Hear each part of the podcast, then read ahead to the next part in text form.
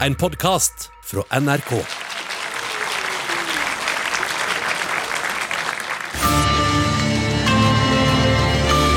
Nobelpriset i litteratur år 2020 går til den amerikanske poeten Louise Glick for hennes omisskännliga poetiske røst som med streng skjønnhet gjør den enskilda människans eksistens universell.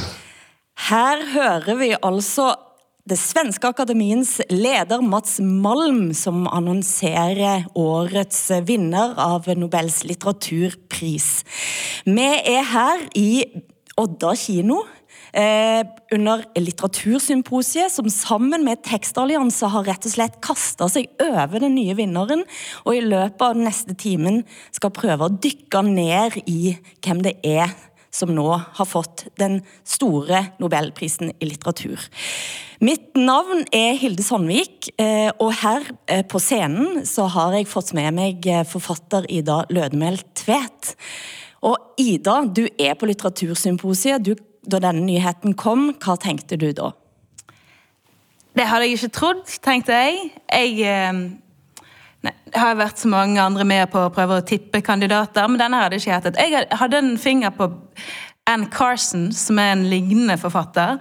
Eh, og hun er kanadisk, da, men en hvit dame som skriver om eh, greske myter. Ikke det jeg trodde kom til å slå an i år. og så at en, at en eh, Louis Glück, det kan, Glick, jeg har nettopp lært meg hvor man faktisk Ja, uttaler navnet. For som, Louis. Jeg har bare hatt et forhold til Ja. henne på papiret, og Ja. da lærer man jo ofte navnet Ja, for du hadde faktisk et forhold til Louise Glick, du.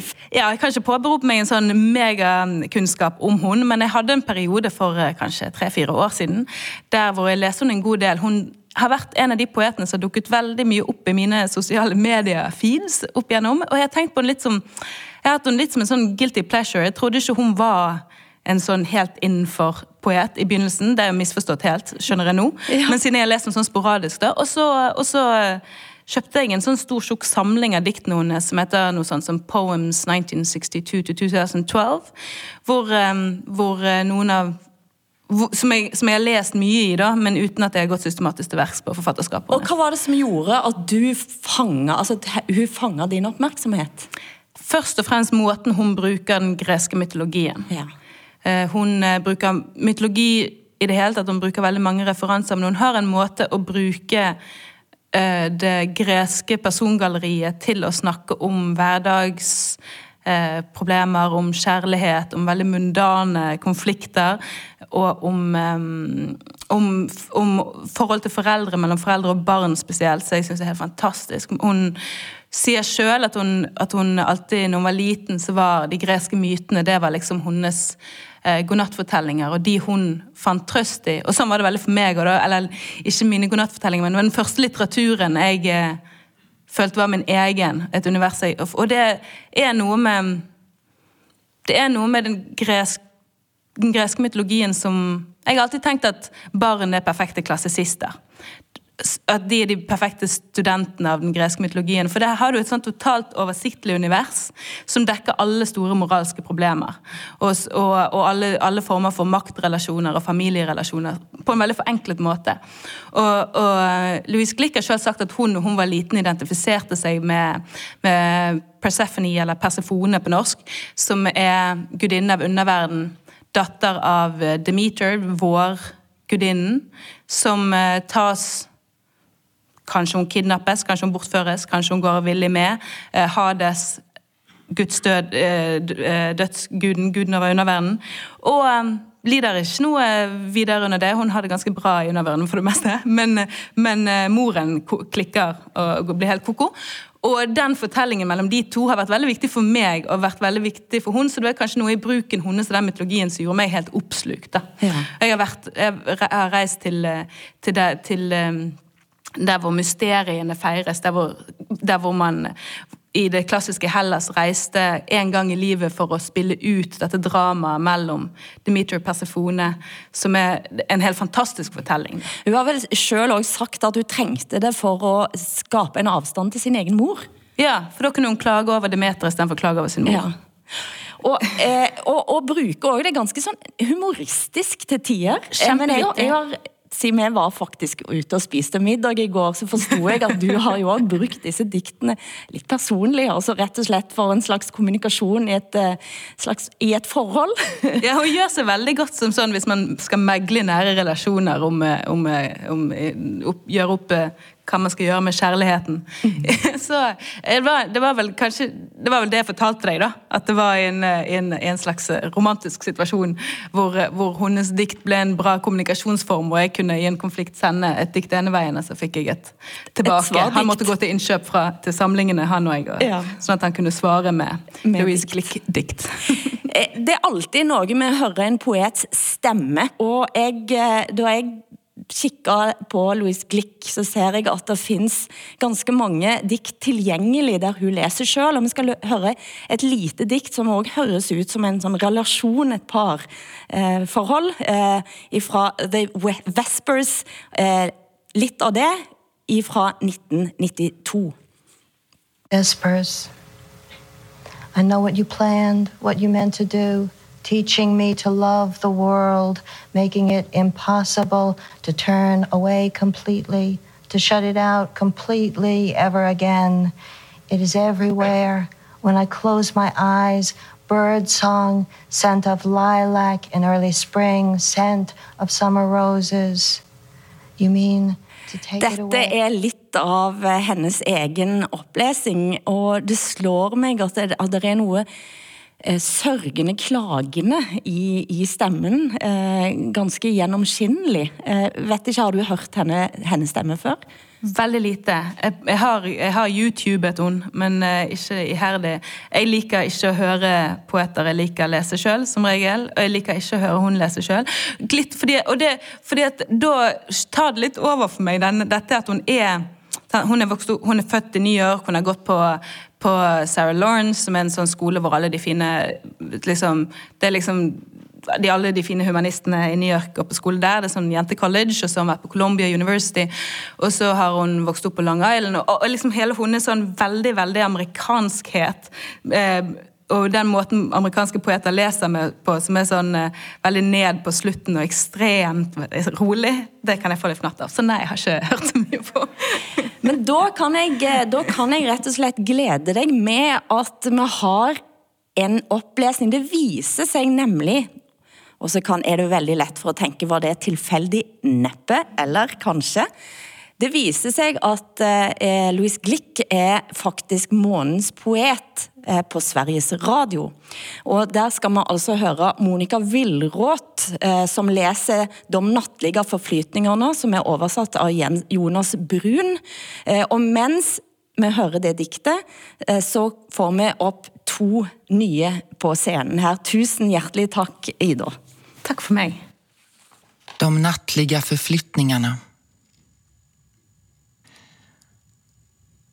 Det här är stunden när man återser rönnens röda bär och på den mörka himlen fåglarnas nattliga förflyttningar. Det gör mig ont att tänka att de döda inte får se dem. Alla ting vi förlitar oss på försvinner. Vad ska själen då göra för att få lindring? Jag intalar mig att den kanske inte behöver de här njutningarna mer. Kanske räcker det med att inte längre finnas. Hur svårt det än kan vara att föreställa sig. Her hørte vi altså Monica eh, Vindråd som leser, leste De nattlige forflytningene. Og på scenen her nå har jeg fått med meg Frode Helmik Pedersen, eh, som er altså på, ved Universitetet i Bergen. Eh, Førsteamanuensis. Og så har vi òg altså fått med oss her Fredrik Stenhjem Hagen, forfatter, og poet, og som er ansvarlig for Lyrikksalongen på Litteraturhuset i Bergen. Vær så velkommen til dere begge to. Eh, Frode, ble du overraska? Ja, i likhet eh, tror jeg med de fleste. fordi at, eh, Rett og slett fordi Louise Glück har ikke vært på radaren for så veldig mange når det gjelder spekulasjoner om nobelprisen. Så vidt jeg vet, iallfall. Hadde du lest henne før? Nei. Så nå har du kasta deg over? Ja, nå har jeg lest henne intenst siden annonseringen. Du satt, du satt, satt ved skranken. Jeg satt klar ja. ved skranken ved biblioteket i Bergen. Og så har Jeg nylest nilest siden da. Eh, og det har jo vært, et, eh, det har jo vært absolutt et gledelig be bekjentskap eh, så langt. Um, så jeg må jo si at, eh, at det fremstår som et mer rimelig valg etter jeg nå har holdt litt på med det, enn det gjorde helt umiddelbart. For da tenkte jeg sånn ja, at, at det vel kanskje var litt sånn at at, at, man, eh, at, man, at man fikk en følelse av at de rett og slett ville, ville unngå å falle i en sånn forventet forventet kandidat. da. At de skulle liksom være, være litt spesielle. Men, men det, er, det, var, det, var, det er et rimelig valg. Og det som er, eh, slår meg først ved henne, er jo at hun har en veldig sånn Fra den samlingen eh, som heter The House on Marshland fra 1975 eh, og videre, så har hun en veldig sånn bibel, sånn bibelsk halvprofetisk stemme. Sånn at vi hørte her den der Vespers. Det er jo en slags, det er jo en slags bønn, egentlig. Eh, men som er veldig uvanlig egentlig for kvinnelige forfattere å ha. Det er, sånn, det er nesten litt sånn maskulin, mm, halvmegaloman tone, sant?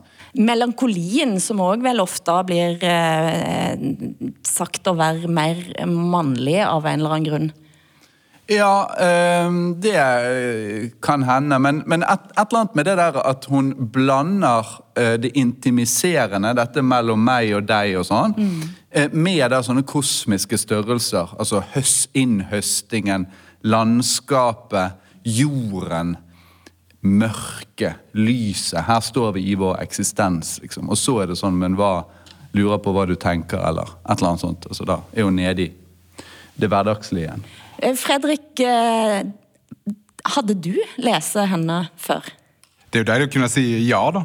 Men, eh, Men du satt òg klar. Du satt presis klar og hørte òg Malm komme med denne bekjennelsen da i går. ja, og jeg ble som alle andre ve- veldig overraska. Jeg må si at ja, når jeg sier jeg har lest henne først, så har jeg, altså, jeg har lest den norske gjendiktningen. Og så, og som Ida har snakket om, så, så har hun en tendens til å dukke opp i eh, Hun har spesielt noen korte dikt som er litt sånn eh, kan være litt sånn fiffige eller litt sånn finurlige eh, blikk. Og de, de blir ofte delt i sosiale medier. Så jeg har lest liksom enkeltdikt her og der. Og så har jeg lest den norske gje- gjendiktningen, og så, og så fins det en fantastisk sånn samling med den, heter Selected eller Collected Poems fra 62 til eh, 2012.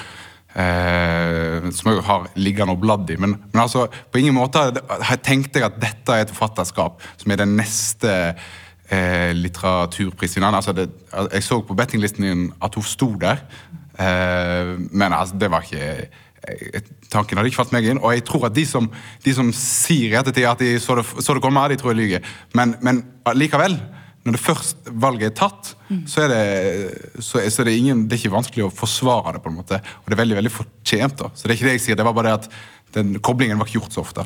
Nei, altså, men hun, hun fikk jo faktisk tidligere i år Tranströmer-prisen, og det er interessant òg fordi han er den forrige poeten, hvis du ikke tenker da Bob Dylan som poet i den forstand, eh, så, så fikk hun den før i år, og skulle egentlig ha vært i Sverige.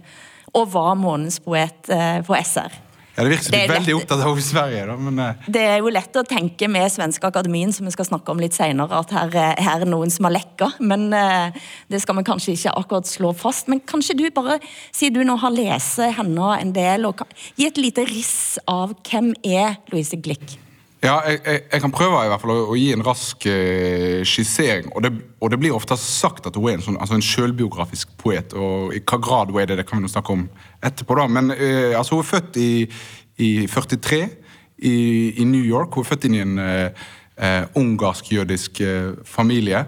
Der hun er datter nummer to. og den, den, hun, har, hun har, så har en søster som er eldre, som som er død. Eh, som er et sånt tema som hun, altså, det at hun er borte, noe som hun kommer tilbake til. Og, og så vokste hun opp eh, etter hvert på, på Long Island. Eh, I tenårene så har hun, en, så har hun en periode når hun sliter eh, psykisk og har eh, sterk anoreksi. Eh, og og eh, for å komme over dette så, så begynner hun å gå til psyko, i psykoanalyse. Eh, og hun sier det at det er i, i, i, i denne terapien, psykoanalytiske terapien at hun lærer å, å tenke. At det har vært utrolig viktig eh, for henne som forfatter. Dette er noe som hun trekker fram sjøl. Altså. Eh, og så debuterer hun med en, eh, med en diktsamling som heter First Born i 1968, da hun var 25 år gammel. Og så er det så er det jo sånn i USA at en, en, en gir og i hvert fall den gangen og fremdeles i dag, en, en gir ikke ut diktsamlinger hver gang en er ferdig å skrive masse dikt. En gir liksom en publiserer i tidsskrifter og aviser som i mye større grad enn vi gjør i Norge. da. Så det går eh, nesten ti år til den neste diktsamlingen hennes kom ut, som er den som heter House on the Marshland, som, som Frode nevnte på i sted. Eh, og så eh, gir hun jevnlig ut eh, diktsamlinger. Eh, med House on the Marshland' er et slags kritisk eh, gjennombrudd der å få en del anerkjennelse. Og så etter eh, hen, hennes eh, far går bort, så skriver hun eh, en bok som heter Ararat. Det uttaler jeg helt sikkert feil. Som kom ut i 1990. Den er iallfall oversatt til svensk. Den er oversatt til svensk. Den fins ikke på norsk, men den fins på svensk. Og den og den neste boka hennes, eh, som heter The Wild Iris, de er et slags publikumsgjennombrudd publikums eh, gjennombrudd eh, i USA, uten at jeg helt inne, vet hva det innebærer å være en publikums... Eh, eh, altså en, en poet med stort publikum i USA. Hun fikk Pulitzerprisen annet for, Ja. for den eh, Wild Iris.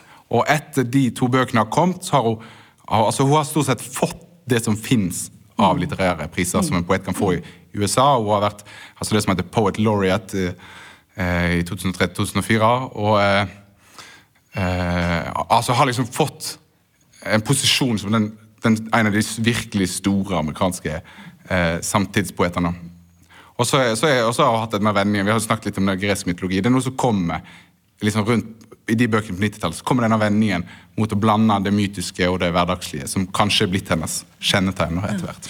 Eh, Jeg eh, hørte på svensk radio, eh, og der sier den ene av de svenske oversetterne, Steve Claesson, han sammenligner det er interessant med sitt i Odda, han sammenligner også poesien hennes med hardingfelespill. Eh, Han sier at som oversetter så har han, så, så har han tenkt at dette er enkelt. Eh, Han, han har skrevet det ut, eh, tenkt at han skal bare flytte på et komma, er ferdig. Og så går han tilbake, og så klinger det en annen bunn under. Eh, og det er denne her underklangen da, som han snakker om, da, som denne hardingfele-lesingen eh, av hennes dikt. Men, men Frode, du som da har liksom fort dykker ned, hva, hva, hva, hva leser du, hva ser du? Altså, eh, Det der med hardingfele, det gir jo litt sånn rustikke eh, assosiasjoner hos meg som kanskje Altså, Jeg skjønner det med klangbunn, men det gjelder jo egentlig all god poesi. da, Også det at det er litt sånn syngende, det er det. Så Sånn sett så er det rimelig. Men hun er jo ikke en, en sånn typisk hva skal man si, på den folkelig siden av poesien, etter mitt syn. Jeg ser noen mener at hun er veldig sånn tilgjengelig, og sånn, men sånn som jeg kan se, eh, så har hun i hele sin karriere vært ekstremt det vi eh, på universitetet kaller intertekstuelt orientert. Vil si at hun hele tiden eh, henter inn referanser fra hele den lyriske tradisjonen. Ikke bare mytologi, men fra Dante og fra Shakespeare og fra romantikken. Og egentlig overalt. Og har egentlig titler som til dels er helt lik til tradisjonelle dikt. Så, som er i sterk dialog med den litterære tradisjonen. Og det gir jo et visst sånt elitepreg. For for å forstå disse diktene da, så må man egentlig kjenne tradisjonen. Må en det? Vel, For å forstå de til bunns, da Ja, iallfall. ja. Men Eller for, for å forstå hva Altså, ja, nok til å eh, Hva skal man si uttale seg offentlig. Nei, for, fordi, fordi det, er, det er noe med, med den der jeg, har, jeg må jo også innrømme at jeg ikke hadde lest Louise Glick eh, før. eh, Og jeg ble glad da Frode sa at det hadde ikke han heller. Men, mm. men, men, men for min del, da, som ikke er eh, førsteamanuensis i litteratur, så opplever jeg allikevel at hun treffer en klangbunn eh, altså følelsesmessig. da, eh, At hun åpner opp noen rom, eh, og at jeg ikke føler at jeg må vite hvor hun refererer seg til, og, og hva bunn det er. Men eh, det er kanskje en banal lesing? Nei, på ingen måte. Men altså, det er jo sånn med gode dikt at de fungerer veldig ofte på mange nivåer. Uh, og det er et eller annet med måten hun uh, fraserer på, måten diksjon, den poetiske diksjonen hennes er veldig tydelig og sterk. og Derfor vil jeg lese, hvis det er greit, et kort dikt fra, som heter All Hallows.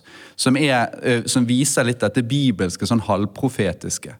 Den heter altså All Hallows. Even now, this landscape is assembling. The hills darken. The oxen sleep in their blue yoke. The fields having been picked clean, the sheaves bound evenly and piled at the roadside among cinquefoil as the toothed moon rises.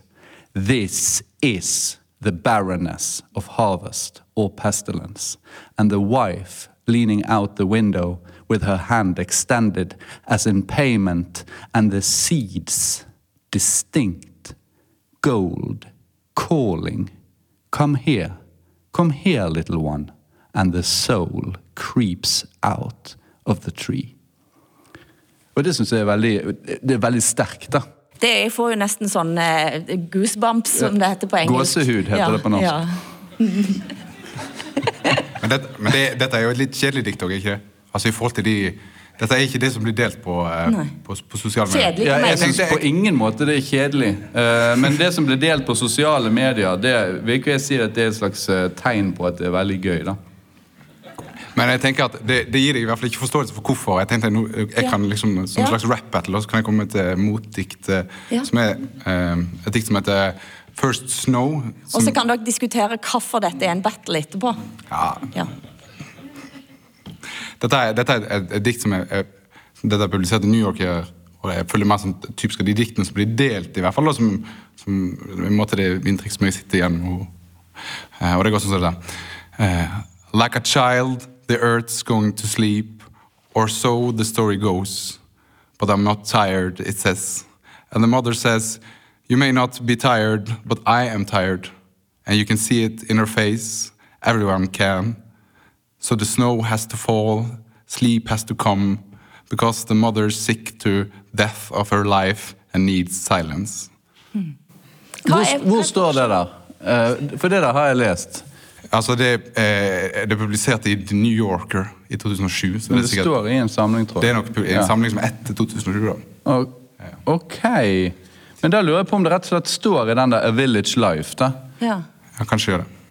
Og hva, hva er, hva hvis, eh, hvorfor skulle dette inn? Altså, hva sier disse to tonene om poeten? Altså, først og fremst, Det var litt fjollete å kritisere det diktet, du hadde i sted, men altså, jeg, jeg ville bare trekke det fram for å vise litt det spennet som er i, i, i tonen hennes. Jeg syns det er veldig vanskelig nå når og nå vinner hun denne prisen her, og så skal en oppsummere og si hva verket hennes er. da. Så er det veldig vidtspennende, mitt inntrykk i hvert fall. da. Eh, og så er det vanskelig å si om det er sånn eller sånn, for dette er jo to ganske ulike, ulike dikt, både tone, tonalt og alt. Ja, men samtidig så har man både jorden, snøen, moren til felles, sånn at det er et tema som går igjen her. sant?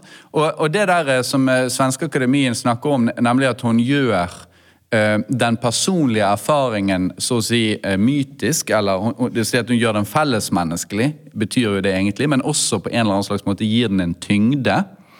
Uh, det, ser man jo, eh, det ser man jo egentlig hele veien. I alle fall fra den eh, som heter eh, The House on Marshall, Ja, ja. Og, og fremover. Men det er mer humoristisk det diktet du leser, og lettere. Mens det som jeg leser er mer bibelsk og tungt og profetisk, men bedre, da. Men hun har, men hun har, jo, hun har jo denne besjelingen. Og det var noe, altså dette Wild Iris, eh, der hun rett og slett eh, går inn i blomstene sine tanker, eh, beskriver dødsangsten til blomstene. Ja, blomstene snakker til henne, sant? Og, det er, og det er vel en ganske sånn romantisk, romantisk samling, den Wild Iris. Eh, det at, at eh, blomstene begynner å snakke, det finner vi i romantikken. Eksempel Novales har det. sant? Hyasint og rosenblyte. Eh, og det, er- det er en, en form for Jeg er enig i at det, det gir en, en form for spenn i det, fordi at hun lar alle mulige snakke. og Derfor syns jeg det er veldig misvisende å si at hun er som ikke, Sånn som du sa, la det frem, altså, men sånn som det er blitt sagt, at hun er en selvbiografisk forfatter. For det er hun nettopp ikke i påtrengende grad. eh, Det er hun selvfølgelig innimellom. Men sånn som for da den der A Village Life, det er jo, der går hun jo inn ikke bare sånn, altså, i, i den der uh, Wild Iris, der snakker hun som blomster. Men i The Village Life, der snakker hun ut fra alle disse som bor i landsbyen. Forskjellige. Menn og kvinner og barn og, og gamle osv. Så, videre. så derfor er det eh, et problem å lese enkeltdikt på Instagram. Fordi at du ser ikke, du tror ai, og så tenker du at det er hun, men hvis du leser samlingen, så ser du at ai, dette er en gammel mann, f.eks. Eller at dette er en gammel dame. eller at, ja, at hun har ulike jeg-er. Men vi har jo òg dette essayet 'Education of a Poet'. Eh, Der hun beskriver òg sin egen i- tid i psykoanalyse, og beskriver den anorektiske unge som hun var. Men samtidig så sier hun mest om språk, hvis jeg eh, har eh, klart å lese det raskt og, og presist nok.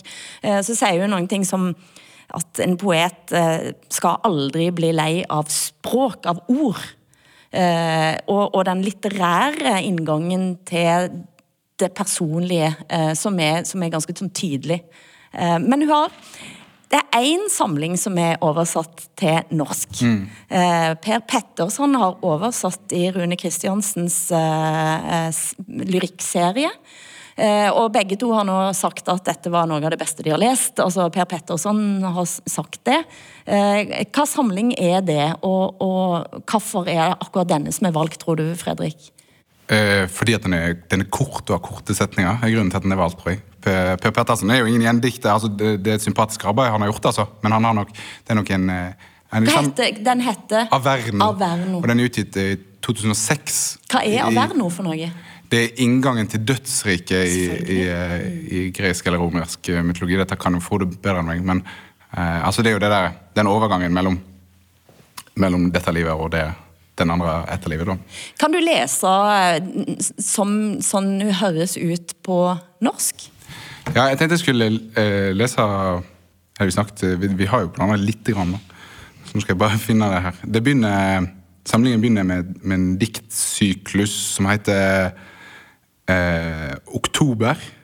Som opprinnelig var skrevet etter, eller, som et svar eller en refleksjon rundt 11. september. da, og, gitt ut som en slags chap- chapbook, altså en sånn liten egen utgivelse. Og så kom en kommet inn i den samlingen her og har kanskje fått en større betydning eh, altså Resten av boka handler jo ikke om 11. september på den måten. Men der hun bruker også gresk mytologi for å Ja. behandle traumer og sorg og ja, etter 11. september. Ja, ja. Eh, eh, Det, det er dikt i seks deler. Jeg kan bare lese den første delen, bare sånn at, eh, at en får liksom smaken på språket, så får en heller gå og lese resten sjøl.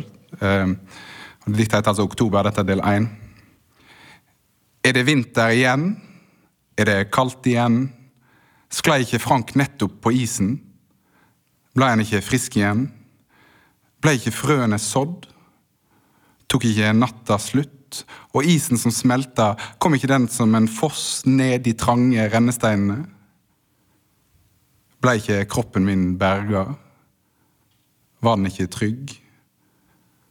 Tok ikke arret form, usynlig over såret? Frykt og kulde, tok ikke det bare slutt? Blei ikke hagen bak huset harva og sådd? Jeg husker hvordan molla kjennes rød og feit. Blei ikke frøene sådd i stramme rekker? Klatra ikke druene opp langs veggen mot sør? Jeg kan ikke høre stemma di over vindens rop, kvinne langs den bare marka. Det bryr meg ikke lenger hva lyden lager. Når ble jeg brakt til taushet? Når føltes det for første gang meningsløst å beskrive den lyden? Lyden den lager, forandrer ikke hva den er. Tok ikke natta slutt? Var ikke molla trygg da den blei sådd? Sådde vi ikke enga? Var vi ikke til nytte for jorda? Og druene blei de høsta? Så det er liksom eh, første diktet, da, og så, og så fortsetter det i den tonen. og Her var det kanskje ikke så mye gresk mytologi å, å finne, men det ligger jo i dette her eh, med, med altså årets gang og, og den her eh, myten om Ja, nå er min eh, kunnskap om gresk mytologi ikke så stor, men per, perspefon, Persefone. ja, sånn, som er knytta til både til, eh, til årets gang og til dødsriket, og, og, og, og vinteren som kommer her, og, høst, og våren som kommer tilbake senere. Og, ja. Men Hva tenker du, eh, Frode? Er, er holder dette, er det, er det, hører du hennes stemme gjennom diktningen, gjendiktningen her? Ja, jeg syns, jeg syns at han har, eh, har, vært kompetent eh, her, Per Petterson. Han har jo veldig god nese for litteratur. Det har han jo vist gang på gang.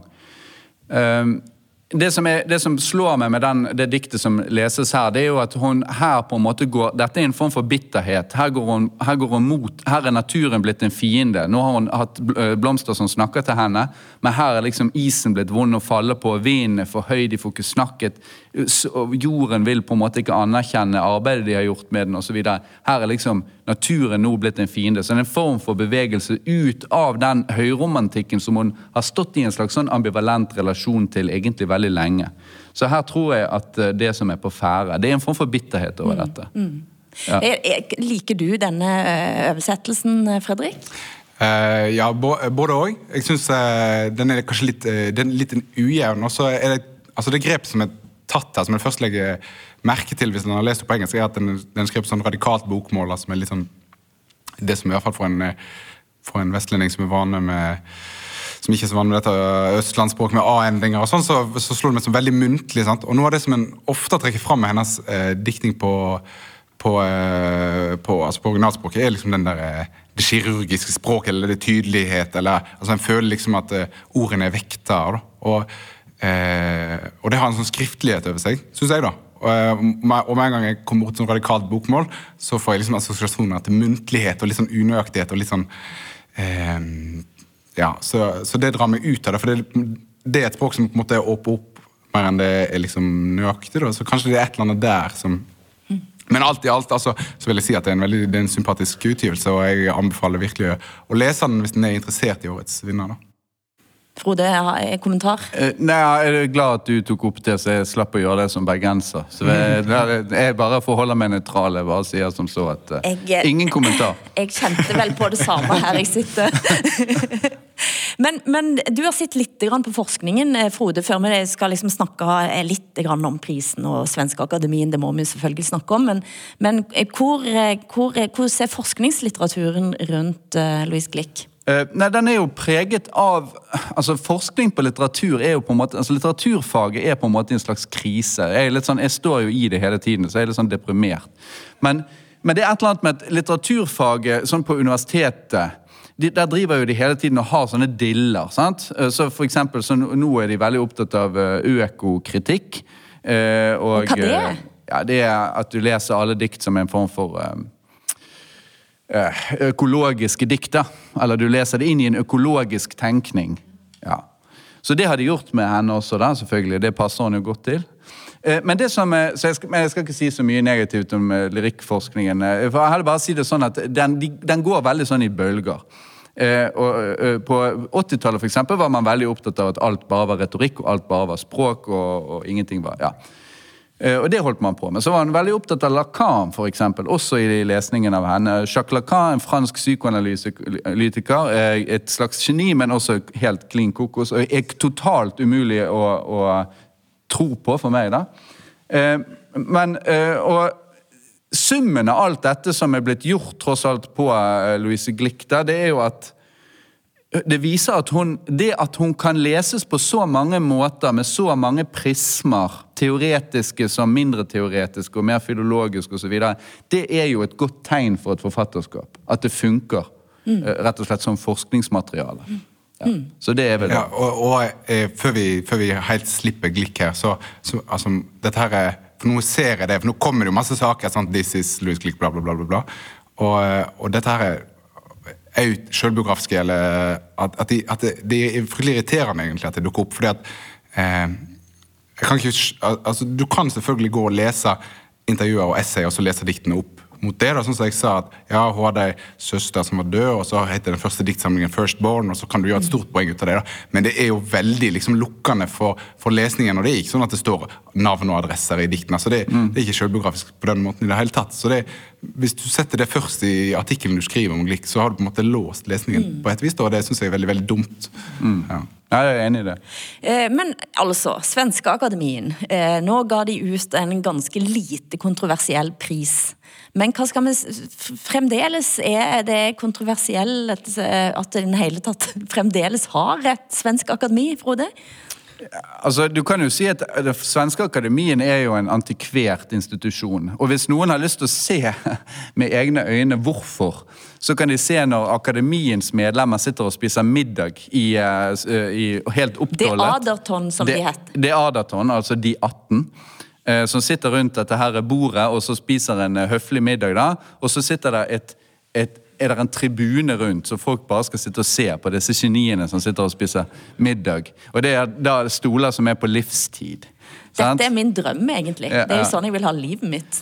Ja, altså Jeg foretrekker at middagene mine er private. Det, det er jeg, ikke alt jeg sier ved middagsbordet som, er- som jeg vil ha publikum til. Nei, men det gjør de. Og, og så er, men så er det, finnes det jo bare én nobelpris i litteratur Ja. i verden. Så at, og du får ikke til å lage en sånn pris eh, så fort igjen. sant? Altså Denne har røtter egentlig altså I og med at det svenske akademiet har jo røtter tilbake til 1700-tallet og denne her eh, svenskekongen, eh, hva nå han het, Gustav 3. eller et eller annet sånt, som var eh, veldig opptatt av den svenske storheten. Og, det- Frankrike. Ja. Veldig opptatt av Frankrike ja som, ja, som opplysningsmann, men en despot, sant? og veldig sånn krigersk.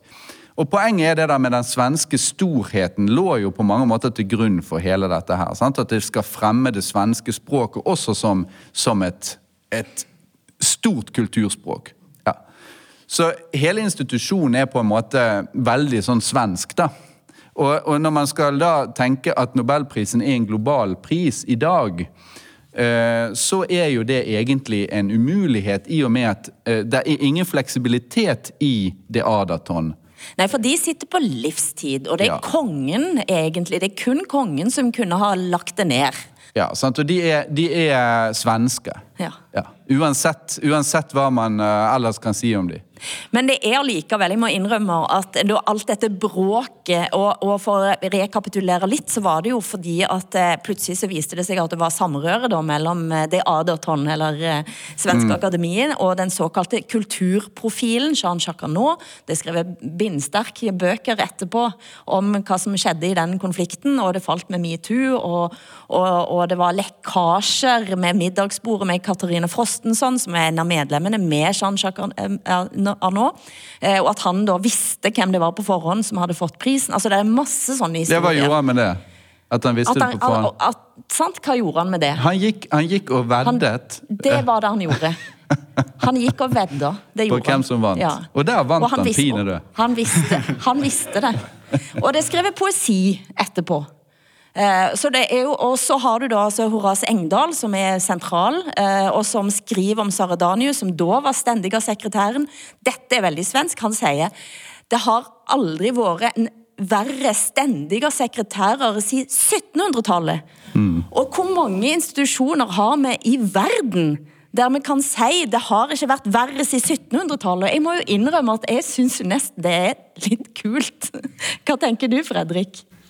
Nei, nei, nei om, eh, om hele skandalen, eller? Ja, ja eller om, om hele prosje altså prosjektet Nobelprisen og Svenske Akademien. Ja, altså, det, er, det er vel åpenbart at det måtte, det måtte vaskes litt i huset der. altså At ting måtte ordnes litt. Men eh, spørsmålet er jo hva det betyr for eh, Nå har jo Det er mitt inntrykk i hvert fall at Nobelprisen har stått gjennom denne skandalen, og at den fremdeles liksom nå når, hun- nå når Glick får at, at det blir ansett som fremdeles en stor ære. Og, Og du sitter helt sånn klar, du, og, og ja, altså, jeg, altså det, det, ja, det, det er jo litt, det er liksom pinlig, eh, in, eh, liksom pinlig interessert i Nobelprisen. Da. Så når det nærmer seg, liksom når, vekene kommer, så, så blir, jeg- går jeg alltid inn og leser mye på, på hvem som skal vinne, og tipper og, og tenker opp og ned opp og ned på dette. her. Og selv om det betyr veldig, betyr veldig lite, da. Men det er liksom det vi har i litteraturverdenen. Det det, det, dette showet her, da. Eh, og så tror jeg at eh, det har stått gjennom den stormen her nå, men det er klart at hvis den, hvis den gjør veldig mye med Nobelprisen,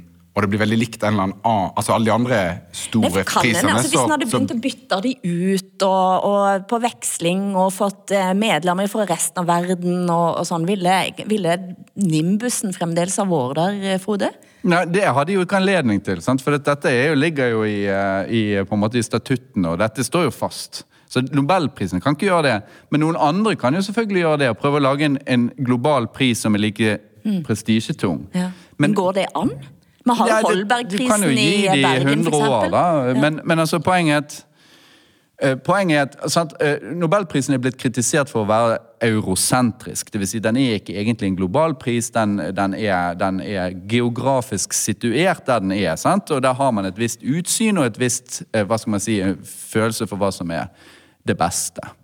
Og Derfor blir det få fra eh, Indonesia og, og, og hva skal man si, altså andre verdensdeler enn den vestlige. da. Eh, Men sånn vil det jo være. altså Hvis prisen hadde vært i Indonesia da, og vært fra 1700-tallet i Indonesia, på en eller annen slags måte, så hadde jo, det, hadde jo, så hadde den jo vært, så hadde jo prisen vært sett derfra.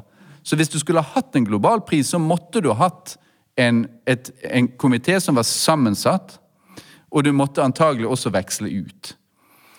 Og da mister du jo denne her eh, Du mister på en måte den der historiske patinaen og hele den der, eh, det der eh, Hva skal man si Det der verdige Hva man vil kalle det, da. Antikverte. Litt sånn halvaristokratiske. Det, det ville man ikke da få. Det er, ikke, det er jo ikke bare halvaristokratisk. Jeg vil nesten si at det er helaristokratisk. ja, ja, de er jo ikke alle adelige, da, men Det er de ikke, men det er jo, en, det er jo det nærmeste en kommer en eller annen kulturadel, er det ikke det, i Europa?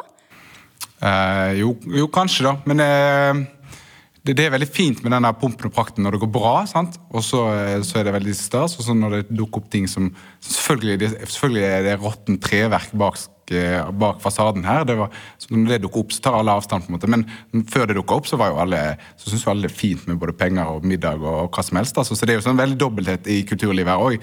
Det er liksom ikke sånn at eh, jeg, jeg tror ikke sannsynligheten for at eh, Jon Fosse sin nei til prisen er blitt noe større etter metoo-skandalene. Måte, Og, det, og eh, hvis, hvis de skandalene er noe mer enn skandaler, hvis vi skal ta dem på alvor da, og si at disse, dette er en type strukturer som vi ikke vil ha noe av, og vi, vi, vi vil ikke anerkjenne eh, disse her, eh, systemene, og at dette er liksom en gjeverprisen, sånn, så må en jo ordentlig kritisere det og ta avstand fra det. da, Og det er jo ikke blitt gjort. også. Eh, det har ikke betydd så mye, egentlig, tror jeg. da, i det store Jon. Fosse er jo blitt eh, nevnt gang på gang, og han sier at han, eh, han liker ikke denne oppmerksomheten, og liker ikke på noen måte, men han, han sa til meg en gang at eh, etter Bob Dylan, det var da det begynte å rakne. Altså da, da var liksom egentlig den interne konflikten òg såpass høy, eh, og at det var noe som Sara Danius nærmest bare pressa gjennom, mens hun da fremdeles var eh, stendige sekretærer. Men jeg vet ikke om det er bare på et litt sånn sladdernivå. Eh, Frode, hva tenker du om, Nei, om de altså det, det, jeg vet ikke. Hvilken, hvilken prosess, det vet jo egentlig ingen. For det er jo veldig lukket. sant? Så hvilken prosess som lå til grunn for at Bob Dylan eh, vant prisen, vet ikke jeg. Men jeg vet at den var veldig populær i mine kretser, dvs. Si på Universitetet i Bergen, hvor man har den ene etter den andre som sitter og forsker på Bob Dylan, og har gjort det i årevis. Sånn at eh, der, eh, der var stemningen veldig høy eh, etter det der. Og de har jo, de har jo vært folk, altså Norske professorer har jo en anledning til å foreslå sant? Eh, Nettopp. eh, nominasjoner. Og det har jo de drevet på med hvert år. Sendt inn. Og det er mange som har gjort. Men, men altså, fortell det vi vet. Hvordan er det egentlig dette eh, går til? For de, de er 18, de skal da holde seg orientert på litteratur i verden. Eh, de spiser middag en gang i veka på Den gylne freden, eh, som er i gamle altså, eh, det er Stockholm. Eh, og eh, har på middager så har de òg egne De har jo seter med navn på, tallerkener med navn på. og og så har vi, det viser seg nå etterpå, så har de leiligheter de kan ha, og de har ganske gode betingelser. Men den rent sånn litterære diskusjonen rundt det, er, hva vet vi om det? Og utvelgelsen? Altså, det, det jeg håper å si, tekniske kan du sikkert si litt om, eh, Frode, men eh, det som, det som i hvert fall er åpenbart for meg, da, som, som sitter her eh, mer eller mindre helt ut, utenfra og ser inn, er når du ser eh, eh, ting er nå hvem som topper disse listene, også de diskusjonene og, og, de, og de bommer jo alltid, selvfølgelig. Også disse diskusjonene om eh, som veldig ofte koker ned til kategorier, sånn, enten det er landsdel, eller det er kjønn, eller det er eh, sjanger, eller hva det nå er. da, at ja, Nå fikk jo en poet fra Canada sånn, og da kan ikke det være noen fra USA. og Det, er masse den type diskusjoner. Og det, og det virker som det er egentlig ikke relevant i det hele tatt. og så det bare, jeg bare tenker, En bommer såpass ofte når en snakker om dette i media. så, så eh, Mitt inntrykk er at vi har veldig lite innsikt i hva, a- hva som er de avgjørende eh, pro, liksom prosessene og argumentene for hvem som får Nobelprisen. For det at nå var det jo opplest og vedtatt at det ikke skulle være noen fra Europa eller USA. Alle, alle var jo enige om det, og så blir det det allikevel. Men det er sånn, mest nødvendig at de viser fingeren. Så er vi, med, Ja, nei, det, gjorde de, det gjorde de jo faktisk med Peter Hanke. Det var jo helt utrolig. Ja, ja. Det var virkelig, det overrasket Det var i fjor. To stykk fikk i fjor. Og så var den ene kun som fikk oppmerksomhet, hvis vi skal være helt ærlige. Og så var jo, eh, og da var jo situasjonen den at eh, hele prisen hadde et problematisk renommé, for å si det mildt. Eh, og ikke minst hva skal man si, ideologisk, og kanskje tettest knyttes til Horace Engdahl, som fremsto som en Altså Han skrev jo en aforismesamling som het Den siste grisen, rett før, rett før me- metoo. og så går han og, og angriper Saradanius, som sånn som jeg kan se det, gjorde en veldig fornuftig vurdering etter at den der skandalen med han kulturprofil kom. Så gjorde hun egentlig henne. alt rett. Og så kommer han og, og, backstabber og skal ha henne ut. Altså, Uansett, hele den der greien, det, det var jo det at det var ideologisk tvilsom institusjon, og så gir de den til Peter Hanke, som var kanskje den mest ideologisk tvilsomme forfatteren på hele den der eh, listen som hadde versert der i flere år. Men så vil- så jeg tror de da prøver å insistere på litterær kvalitet. Rett og slett glem politikk, glem alle andre ting, og, og sats og vi, vi skal vise at dette handler bare om litteraturen. Men hvor stopper litteraturen, og hvor begynner resten av verden? Det er jo et problem. Den, eh, derfor så, derfor så Ja, altså, jeg har stor forståelse for at de vil dyrke litterær kvalitet. Og jeg har stor forståelse for at de mener at det at en person, forfatter, kommer fra et bestemt sted, ikke i seg selv er en litterær kvalitet. Men det er jo det at eh, Problemet er jo det at du ser jo bare litterær kvalitet der du så å si står. Så du må jo, begynne, altså, du må jo lete andre steder. Det er jo det som det er jo det de da mistenkes for. At de ikke egentlig gjør ordentlig. At de er litt late. Ja, ja, at de står litt i, sitt, eh, i, sitt, eh, i sin horisont. da, At de klarer ikke helt å fri seg fra, fra den, kanskje. Men eh, Men det, det, er jo, det er jo ganske interessant. Og nå har det kommet enda en ny og det er jo en, Der har kommet en ny bok eh, om bråket i Svenske Akademien, og denne gangen så under labelen roman. Og når det er en roman, så kan de si andre ting. Er det noen av dere som har lest den romanen? Nei. Nei. Nei, og der, eh, Den eneste gjengivelsen jeg har lest for enn så lenge, er i, eh, i Morgenbladet nå i, i helga. Der han. Farseth oss eh, beskriver bl.a. sånn en episode der Sara Danius, som jo er Nå er hun, hun døde av kreft i fjor, eh, men eh, hun var jo kjent som en ganske eh, teatralsk figur på mange måter, med i klesstil og denne knytblusen Mm. som kom. Altså alle skulle, Jeg har faktisk på meg en knytbluse i dag under her, eh, kom jeg på nå. Mm. Men det ble for Eh, kaldt. Det, nei, jeg glemte det ut, at jeg faktisk hadde en knytblus. Men det var jo Du fikk jo masse folk til å gå i gatene med knytbluser, menn og kvinner, eh, i, som en støtte til henne. Men det står altså i denne romanen da, at denne Saradanius-skikkelsen kommer ut kledd i hus, husmorklær. Eh, og sier at hun vil ikke være den husmoren som skal rydde opp. Dere får rydde opp sjøl. Eh, og det kan jeg på en eller annen måte se levende for meg, men det blir jo sånn kostymedrama ut av det. Jo, men altså eh, Det der, altså det, det der dramaet der tror jeg, sånn som vi kan se på utdelingene, står egentlig ikke Altså, de, de har fridd seg fra det, tror jeg, da. Med selve De har, de har nettopp ikke helt sånn bøyet seg for de kravene som kom da til en liksom, reformert pris. Eh, Så langt, så vidt jeg kan se. Det er jo fremdeles nå en, en hvit person fra den vestlige ja. Eh, Ja, altså eh, Det er jo både òg. Altså, jeg fulgte NRK sin sending i går, som vi var innom tidligere, og, og, og, og hver gang NRK sine journalister får tak i en person som har noe med glikk å gjøre, så er jo spørsmålet er det kontroversielt. Eh, Kan du finne noe kontroversielt? Er det noe kontroversielt? Ja. så da, eh, for Hvis en ikke har noe kontroversielt å snakke om, så må vi jo snakke om disse diktene. da. Og Det er jo ingen som interesserer seg for Det er litt vanskeligere. ja, så en vil liksom jakte på skandaler. Så, altså, hele liksom, medieapparatet rundt er jo rigga for å lete etter kontroverser. da. Men, uh, Men hvor står eh, poesien nå? For det slår meg, mange her nå som har nevnt liksom Insta, Insta-poet, altså om hun er en Insta-poet eller ikke, det vet jeg ikke. Nei, det er, er. det er hun ikke. Hun Men, men i alle fall, altså, den der, den der, eh, det der at den deler altså, poesiens eh, plass da, i offentligheten. Dette er helt uvitenskapelig, men jeg har en følelse av at poesien står sterkere nå enn han bare gjorde for noen få år siden. Ja, det er jo en følelse. Det er en følelse, jeg sa det, at det var, ikke, det var bare en ren eh, Altså, Ja, altså, det er, altså For det første så vet jeg ikke hvordan en skulle målt det, men, eh, men denne, er, altså, eh, det var litt flåsete å bringe inn dette med Instagram-poesi og alt dette. Det var fordi at Ida Vi Ja. snakket om det bak, og så sa Ida at jeg trodde dette var en guilty pleasure. Ja. Fordi hun hadde opplevd det som en sånn Hun hadde sett det på sosiale medier, og, og, og det har jeg også. Og det, men det er jo da, da, altså det er sånn cherrypicking av noen gode sitater nå. Og det, og det gjør det jo med Ann Carson, som var den store eh, Kanskje favoritten blant amerikanske poeter, eller hun er kanadisk, da, til, å til å vinne. Eh, og hun har jo masse sånne kontoer på, på Twitter der folk plukker ut gode sitater og, og sånn. Så, eh, så jeg vet ikke om den Instagram-poesilesningen som en sitter og gjør på, jeg tror ikke den har noe så mye med den for det første er ikke noe med den der alvorlige poesiskrivingen som skjer.